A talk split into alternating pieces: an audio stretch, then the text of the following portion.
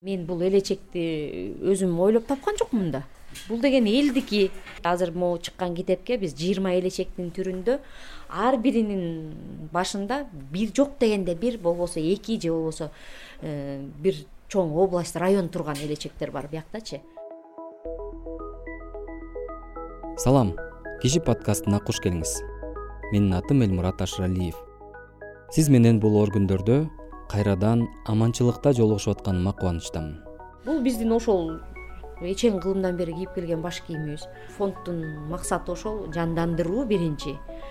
Сактоо анан жайылтуу да. Биз мына жандандырып алдык жыйырманычы ошо апалардын жардамы менен. Бул подкастта көйгөйгө кайдыгер карабай. Аны чечүү үчүн эч кимден жардам күтпөй. Өз билимин жана тажрыйбасын колдонгон адамдар менен тааныштырып келдим. Сактай баштадык биякта бул бар экен тиякта тиги бар экен. Дагы апалардан сурап калалы апаларга жетишип калалы деп атабыз. Анан жайылтуу бар да. Анан жайылтуусуна ушул окутуп анан кайра үйрөтүп анан орогула туура ороп бергиле бузбагыла деп атабыз да. Анан баары бузулуп калган эмен оңдойлу деп атабыз да биздин максатчы ошол мына өзүбүздүн эле фондубуздун койгон максатына жараша эле иш кылып атабыз. Бүгүнкү бонустук эпизоддо дагы ушундай адамдардын бири менен тааныштырайын деп чечтим бул чыгарылыш айдай асангулова жөнүндө болот. Ал өзүн? Мен өзүмдү сүрөтчү дизайнер дейм биринчи орунда. Жана ошондой эле ал кийиз дүйнө коомдук фондунун жетекчиси катары белгилүү. Фонд түптөлгөндөн бери эмне иштерди жасап келаткандыгын жана маданий мурастарды сактоо кандай мааниге ээ экени туурасында айдай асангулова алдыда өзү айтып бермекчи.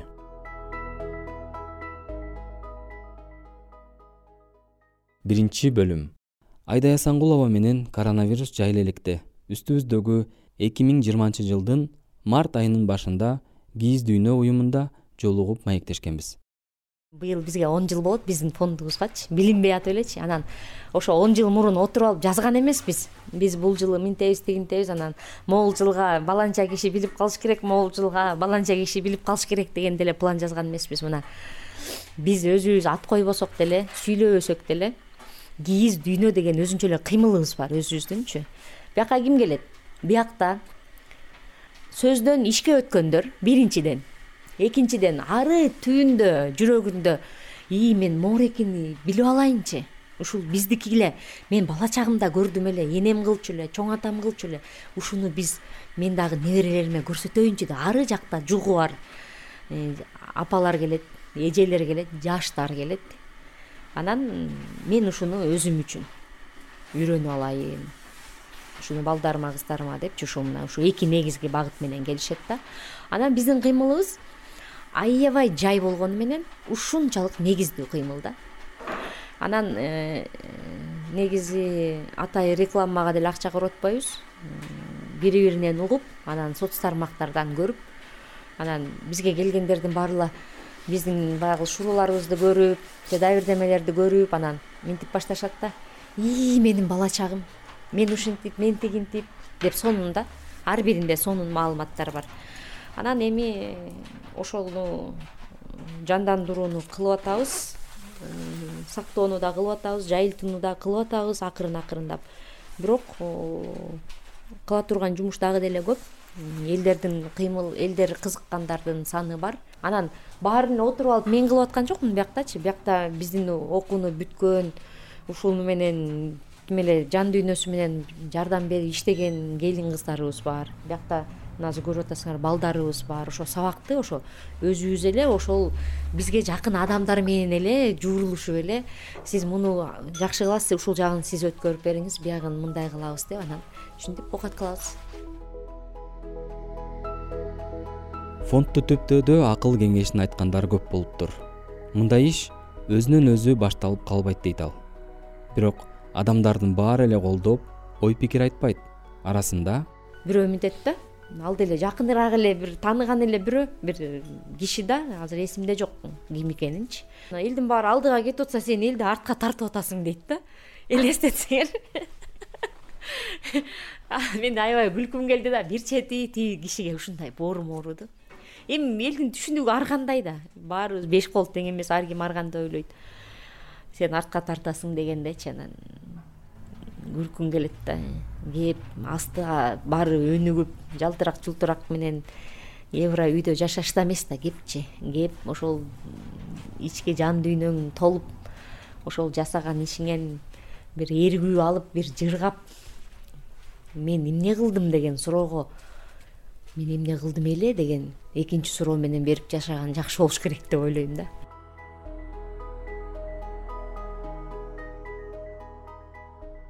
Тарыхы болбой эл болбойт деп коет го анан биз тарыхыбызбыз биз кыргызбыз ой биз ушундай болгонбуз ушундай элбиз деп сүйлөп атсак анан бул материалдык маданиятыбыз жок болсо э, мына канчалаган туш кийиз кесилип кетти кесилип атат. Дагы деле айылдагы элдер э, көпчүлүгү ой бул эски да деген түшүнүк ушунчалык мээбизге сиңип калган. Туш кийизди мына азыркы күнгө чейин тет жерде төртөө бешөө турбайбы? Мен ошолорду сегиз тогуз миңден эле сатып алдым. Ал жерде канча эмгек бир жылдык эмгекпи беш айлык эмгекпи канча адамдын ошол жактагы эмеси калып атат. Бири бирине окшобогон шумдук жумуш. Мына азыр биз туш кийиз баштадык эле. Ошонун баркын билип атабыз азырчы. Анткени туш кийиздердин акыркылары ошол жетимиш бештеринчи жылдарга чейин барып сексенинчи жыл менен үзүлүп кеткен да сайылбай калган. Бирин экин эле бир э, кандайдыр бир себептер менен сайылып калбаса туш кийиз сайылбай калган да. Анан биз экөөбүздү чаап кыйын болуп сүйлөсөк анан ар жактан нукуралуу нерселерибиз жок болсо антип деле көп нерсебиз жоголду мен ойлойм ар бир кыргыз ошол үйүндө э, бир бир бөлмөсү нукура кыргызча болуш керек анан. Нукура кыргызча десе азыр мындай түшүнүк бар да. Үй салыптыр дейт да. Же квартирасы э анан алардын үйүнө барып калсаңчы. Ошол кыргызча комнатабыз деп киргизип калсачы. Ал кыргызча комната эмес ал мадина комната да. Жыты бүт синтетика базардын жыты. Мадинадан алып туруп даяр курак даяр төшөк э, даяр саймалары даяр жууркан даяр кездеме аяка ой ушунун баарын өзүм жасадым дейт. Каяктан өзү жасады. Аны сатып келип эле анан каптап койгону болбосочу. Ал каптаган эми билбейм. Анан мен бир чети аябай күлкүм келет да чын эле. Азыр ушундай бир мода болуп алган айылдардачы ошол бир комната мадина да ушинтип эле айтам мына. Андай кыйын экенсиң. Ошол тигинден мындан бир ырым жырым кылып чогулткан эски ускулардан бул деген курак кураган бул деген жакырчылыктын белгиси эмес да. Бул деген сарамжалдык. Мисалы үчүн кийилбей калган шымыңды ыргытып ийбейсиң да. Анын жакшы жерлерин ал. Дагы бир кылып туруп ошол эски уулерден бир эч нерсе чыгарган эмес да. Аябай эле жамандарын өрттөй берсе жакшы жерлерин алып калган дагы эски кийимдерден курак курап төшөк кылып коюшкан. Андай кыйын экенсиң ошол кыргызча комнатаңа нукура туш кийиз нукура илгерки ошол ата бабаңан калып калган бир буюм болсо дагы ошону илип элге көрсөт да. Биз ошондой болбой атпайбы биздин түшүнүгүбүз евро анан тиги мадина жалтырак жултурак билбейм. Мындай болбош керек да. Бул аябай эле жаман көрүнүш да. Анан элдин түшүнүгү бурулуп аябай шашпай бурулса керек бурулуп калаар деген үмүтүбүз бар. Албетте базардын өз мыйзамы бар. Көз жоосун алган жаңы буюм-тайымдарды ким эле сатып алгысы келбесин. Бирок айда эже даяр буюмдарды сатып алуу менен жалкоо да болуп баратабыз деп эсептейт. Анткени илгери элестетсеңер свет жок. Э, мынчалык деле кездеме жок мынчалык деле жип тушуунун ушундай чоң ассортименти жок эле бардан жокту жасашкан ушундай сарамжал болушкан да. Жаратылыштан ашык алган эмес мисалы үчүн ченеп алган кайра ошону баардык жаатында. Бул жеке эле кол өнөрчүлүк жагы эмес. Кол өнөрчүлүктө дагы мал чарбачылыкта дагы жер айдоодо дагы биздин э, атайы докторлугун же кандидаттык диссертациясын жазып койбой эле биздин ата бабаларыбыз аны тастыктап ошондой принциптер менен жасашкан да. Жашашкан. Жасашкан дагы жашашкан дагы. Анан биздики андай болбой атпайбы сарамжалдуулук кандай сонун? Гармонияда жасашкан жашашкан да анан бизде андай жок анан ошону кичине да болсо азыр баардык жаатта акырын акырындан ушундай безөңдөнгөн кыймылдар бар. Мисалы үчүн салттуу музыканы жандандырып аткан дагы бар э, салттуу ошол эле дыйканчылыктарды илгерки сорттор жапайы сорттор жоголуп кеткендер ошолорду жандандыруу боюнча иштегендер бар. Кудай буюрса угуучубуз кура эмес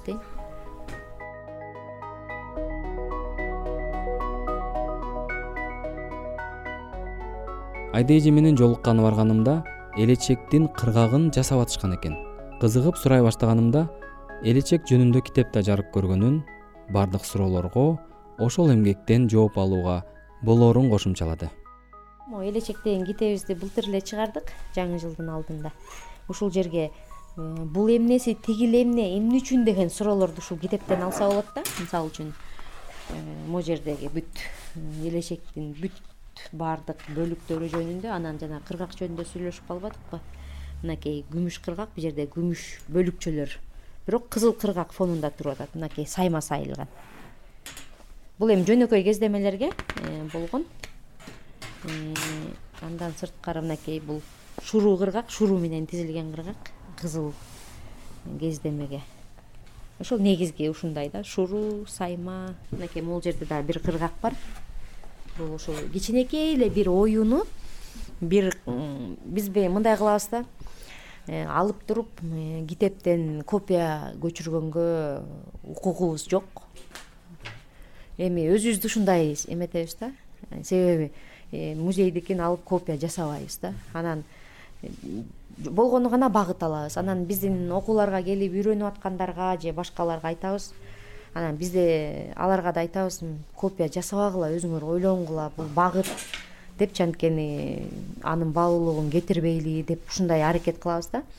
Анан кээде айтышат мага точь ушуну эч жаздымы жок ушуну жасап бергиле дейт да. Анан айтабыз и макул бирок биз кичине өзгөртөбүз депчи анан аябай деле күбүндө тапшырык алып алып эле отуруп эле бирдеме жасабайбыз. Андайыбыз жок.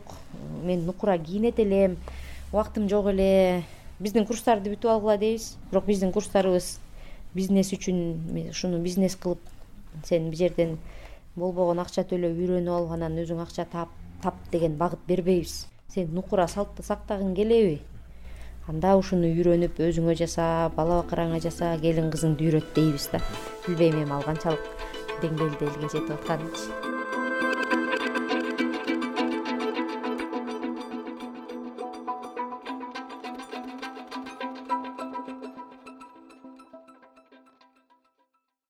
сиз киши подкастын угуп атасыз бул эпизоддо айдай асангулова туурасында сөз болууда.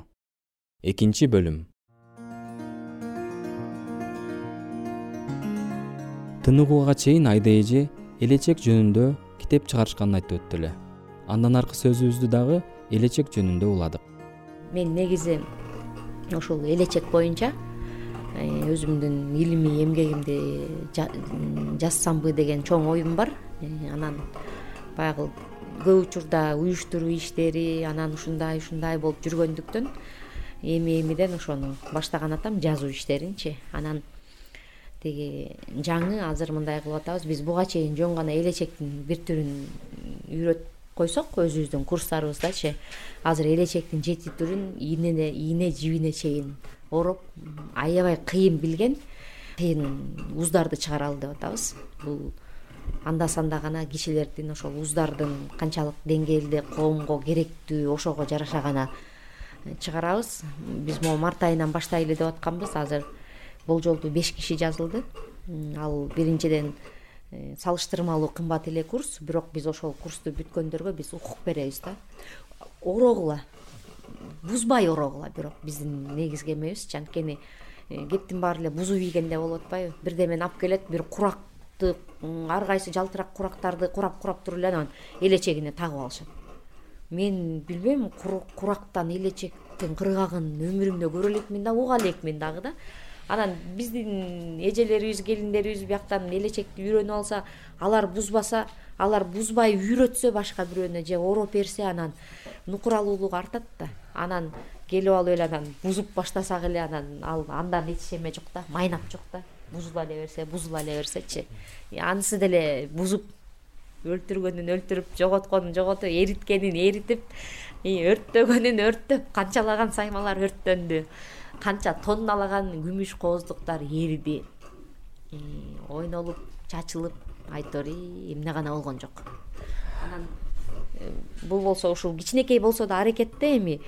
Баягы мындай кичине тамчыдан тамчыдан мынтип курап курапчы ошо мен билген элечек боюнча окуткан башка курсту билбейм да. Мына сиз эле болсоңуз керек. Сиз элеби негизи? Ооба биз элебиз ушул жерде. Элечекти үйрөтүү боюнчачы. Анан биздин окууну бүткөндөр элечек ороп жүрүшөт анан бирок көпчүлүгү айтышат да мен ороп атам депчи анан кээде келип карап койгулачы мен туура ородумбу депчи. Анан аларга бирөөлөр кайрылып калса кездемени бизден алышат э, ошондой эле бир бирин эки немелерин бизден сурашышат да кайра эле кайрадан элечи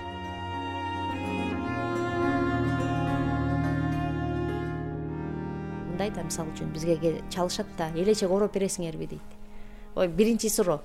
Элдер кайрылгандачы элечек прокатка бересиңерби дейт. Ушул жерден биздин эмебиз башталат да. Элечек прокатка бербейбиз. Баш кийимди кыргыздар бири бирине беришкен эмес. Э, бул баш кийимдин маанилүүлүгү болуп атат бул жердечи анын орду болуп атат да.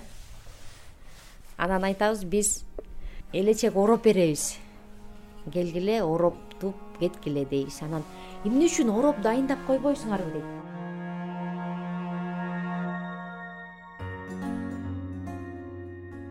топ эмес да мынтип ороп даяр турган эмелерди эле мынтип кийип кеткилейчи анан эми андай даяр картон элечекти деле базардын ичинин баары тыгылып турбайбы жайнапчы анан биз айтабыз элечекти биринчиден ошол аймак аралык өзгөчөлүгү бар. Анан башынын өлчөмү бар. Булчу кадимки эле баштын өлчөмүчү анан бул могу ээктин алдынан өткөндө дагы ар кимдин жаагы ар башкача да. Бирөө толугураак болот бирөө ичке болот бирөө кыска болот дегендейчи. Анан элечекти даяр кылып койгонго эч эме жок да. Анан анткенде биз маанилүүлүгүн жоготуп алабыз да дайындап коюп коюп дегендей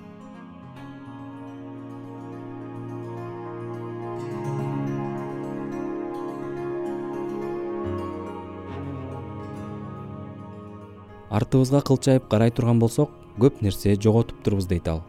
Ага маани бербей кете берсек анда аны кайра калыбына келтире албай калышыбыз ыктымал бирок ошол эле убакта. Маани бергендер бар. Мисалы үчүн биз айылдарды кыдырып жүрсөкчү. Мисалы үчүн угасың да могуякта бир киши бар баландайды билет. Ушундай бир буюму бар эле депчи анан барып ушуну көрсөтүп коебузбу көрүп кетели депчи. Баягы көрүп анан ошол кишиге аябай баа бересиң да ошол кишиге болгон сыйың урматың тим эле чектен өтүп кетет да. Ушундай бир өтө көп эмес бирок аз аз ушундай эмелер болгон. Окуяларчы анан бул менин атамдын баландай ушундай ушундай ушинтип сактадым эле деп өзүнүн бир тарыхы бар. Анан ал кишилерге аябай ичиңен тиги ушундай ыраазы болосуң дагы кап ушундай адамдар көбүрөөк болгондо эмне дейсиң да. Алар чындыгында бул кандайдыр бир өзүнүн үй бүлөсүнүн өзүнүн ата тегинин тарыхын мынтип алаканга салып кой мен муну сатып ийгенде эмне? Ал болбогон эле акча. Э, кой мен ушуну? Ушундай э, деп ошол кийинки балдарына э, баягы эметип атышат. Эми кийинки балдары ошону туура кабыл алып атасындай ата энесиндей тарбия алып ошону сактап кетсе мисалы үчүн абдан сонун да